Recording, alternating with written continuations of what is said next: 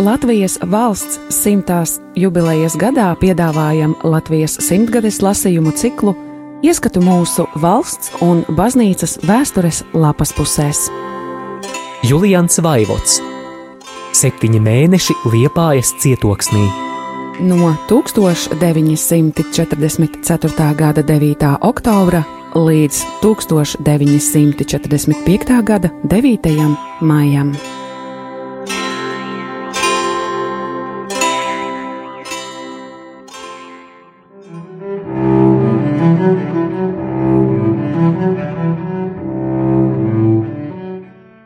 Tūkstoš deviņsimti četrdesmit ceturtā gada trešajā novembrī.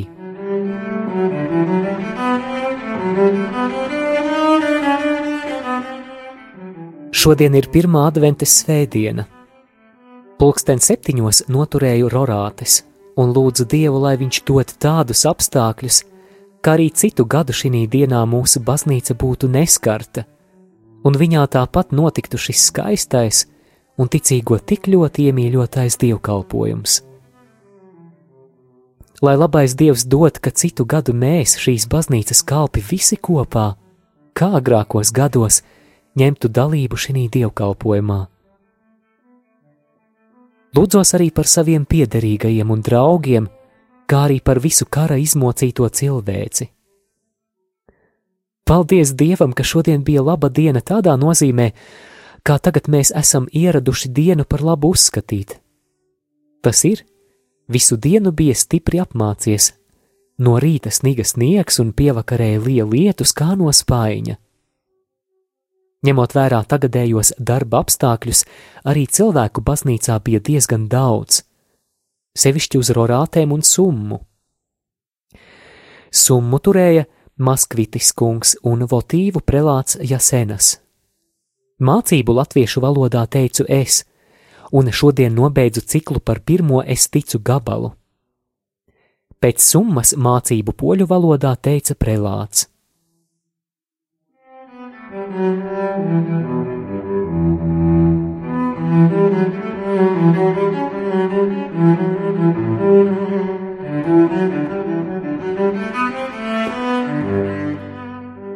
Šodien nokristīju divus bērnus, ja to otru par bērnu var saukt, jo bija jau deviņus gadus vecs zēns.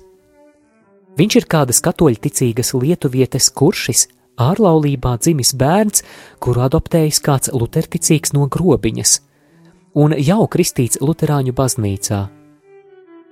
Pat viņa māte ierakstīta kā luterticīga, jo tā adoptētājs esot gribējis. Tagad viņš aizbraucis uz Vāciju un bērnu atstājis. Turpmāk bērnu audzināšot pati māte un tikai katoļu ticībām.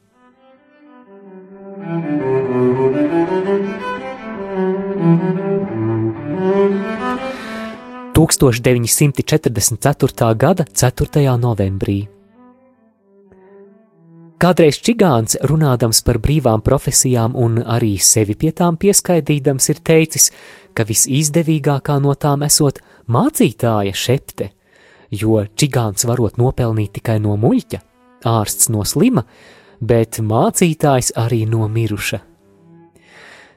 Čigānu šepte nu ir izbeigusies, laikam tāpēc, ka pietrūcis muļķu. Ārstiem pašlaik liepājā darba vairāk nekā viņi spēja veikt, un slimniekiem mājās bieži gandrīz nedēļu jāgaida uz ārstu, jo tie, kas vēl liepājā ir palikuši, strādādami gandrīz dienu un nakti, tomēr nespēja visus laikā apkalpot. Gandrīz tāpat iet arī uz vietas palikušajiem mācītājiem. Viņu situācija vēl grūtāka jo tie nevar likt cilvēkiem nedēļām uz sevi gaidīt. Tāpēc sevišķi tagad nevar mācītājus apskaust. Par peļņu te nav runa, jo nopelnīt pašreizējos apstākļos neviens necenšas. Pat kurpnieki un drēbnieki, kuri tagad visvairāk pelna, labprāt laiž garām tos kundes, kuri nemaksā graudā. Toties mācītāja darbs tādos briesmīgos laikos, kādus pašreiz pārdzīvojam, ir tiešām grūts un tā netrūkst.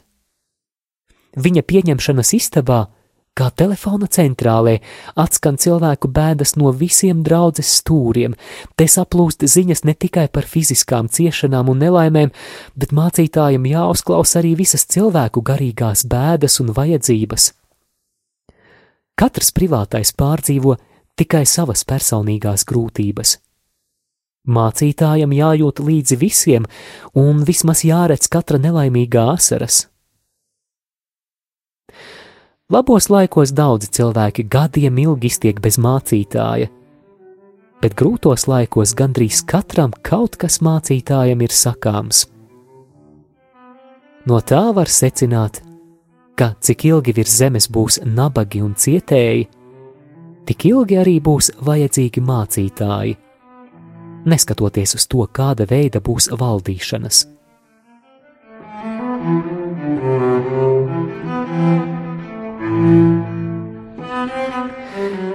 Ja šodien visā pilsētā būtu tikai viena konfesija un tikai viens mācītājs, kā pašreiz viens esmu palicis priekš katoļiem, tad liekas, ka pēc dažām nedēļām spēki būtu galā. Šodien pat ir vienkārša darba diena, un dažs var domāt, ka mācītājam tā jau ir īsta atpūtas diena. Bet cik darba tik nevajadzēja veikt? Rītā baznīcā dievkalpojums ar veselu rindu dievgaldnieku. Sevišķi daudz bēgļu un, un vispār izbraucēju uz Vāciju. Vēlāk biju pie pieciem slimniekiem pilsētas slimnīcā un pie viena privātā dzīvoklī. Katrs no viņiem cieš, un katrs gaida ne tikai sakramentus, bet arī kādu iepriecinošu vārdu. Pēc tam vajadzēja divus pārus salauzāt, jo arī ar laulībām dažiem jāsteidzas. Kam jābrauc uz fronti, kam uz Vāciju, dažiem vienkārši palicis bailīgi tādos laikos dzīvot bez laulības, un tagad jālaulā un reizē pat jākrista bērni. Un pie visa tā vēl liek mācītājam ierakumu darbos iet. Labi, ka daži draudzes locekļi, kas paši no šī pienākuma bija brīvi, manas dienas atstrādāja, un man ir pierādījums, ka neesmu nekāds liekēdis. Tagad nu gan no šī darba pavisam jāatsakās, jo pats no mājām nevaru atrauties, un nav vairs brīvu cilvēku, kas par mani strādātu. Arī darba pārvalde vairs neteica mācītājam, kā pateica ērģelniekam, ka tāda nodarbošanās vispār nesot paredzēta. Ne katru reizi viss tā norisinās, kā valdnieki paredz. Daudz ko nosaka pati tauta, un tautas dzīve tomēr prasa arī mācītāja darbu. Kamēr cilvēki virs zemes dzīvos, tikmēr dzims, precēsies un mirs, tātad arī mācītājiem būs darbs, Man gan pagaidām nav iespējams, kā Čigāns teica, no mirušiem nopelnīt, jo darbu, ko agrāk strādājām pieci, tagad jāveic vienam. Divas kancelēs, baznīca un slimnieki tik tālu mani saista, ka no mirušo pavadīšanas uz kapiem pilnīgi jāatsakās. Arī tā šeptes par daudz.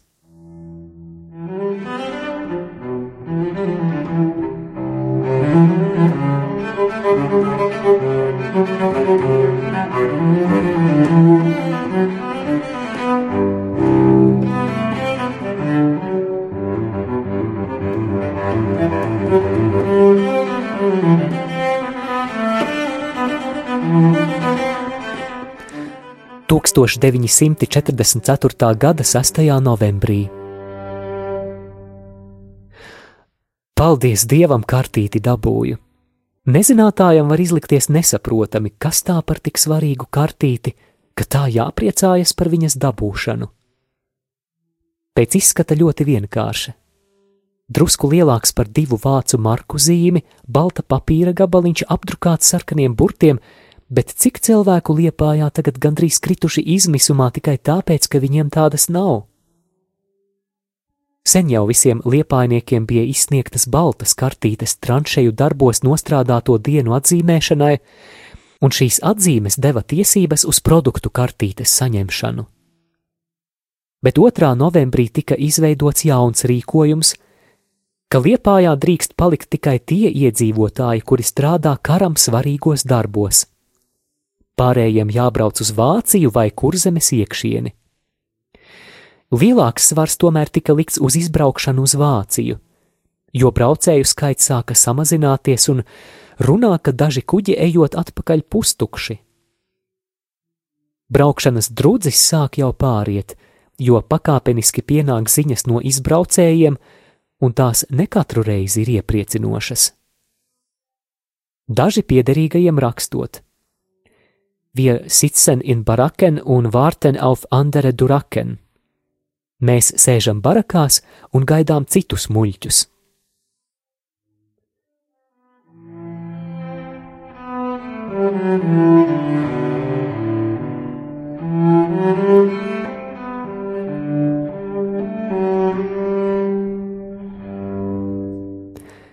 Lai zinātu, kas tiek uzskatīts par strādājošu karam svarīgos uzņēmumos, darba pārvalde izsniedz jau sākumā minētās kartītes, un tikai viņa par to var lemt, kam kartīte izsniedzama.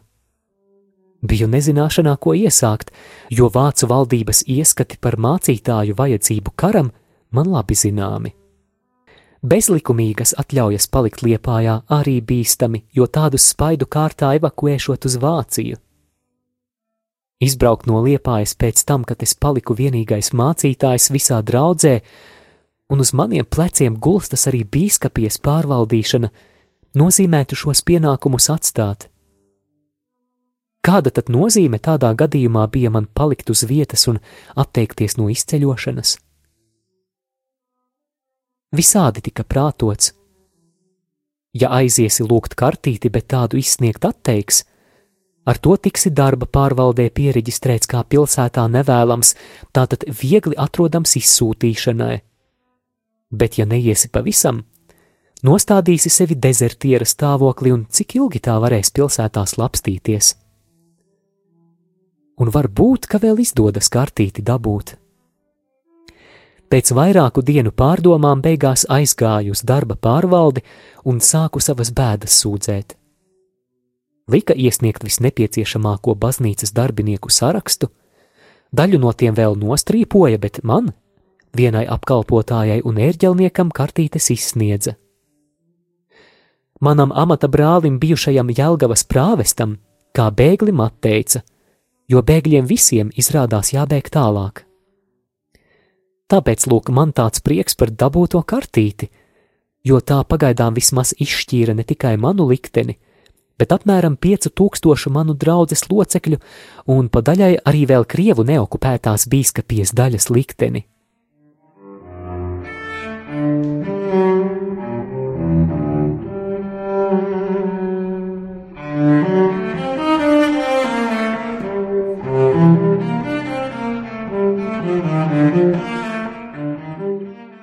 Visas šīs kartītes procedūras svarīgumu vislabāk var saprast, vērojot to, kas katru dienu norisinās darba pārvaldē.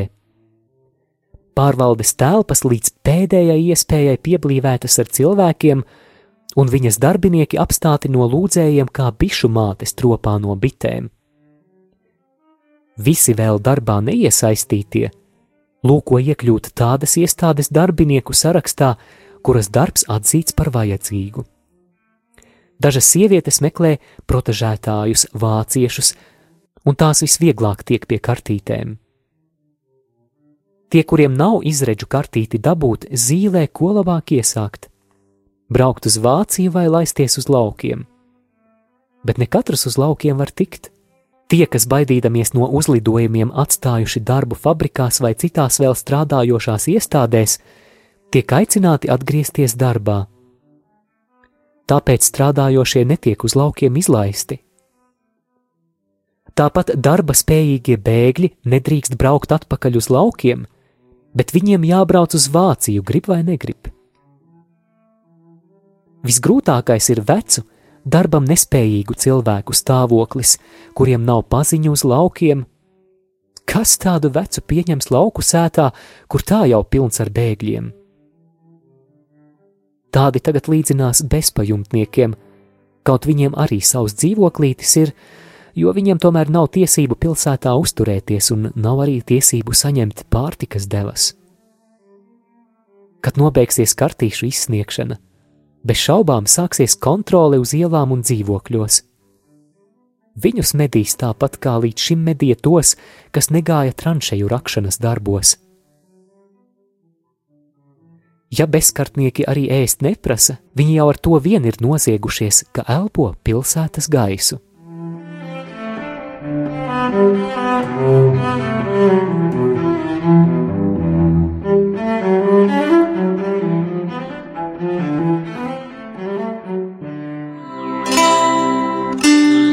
Radio Marija Latvija ēterā Latvijas simtgadēji veltīti lasījumi.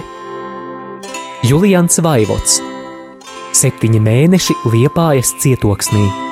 No 1944. gada 9. oktobra līdz 1945. gada 9.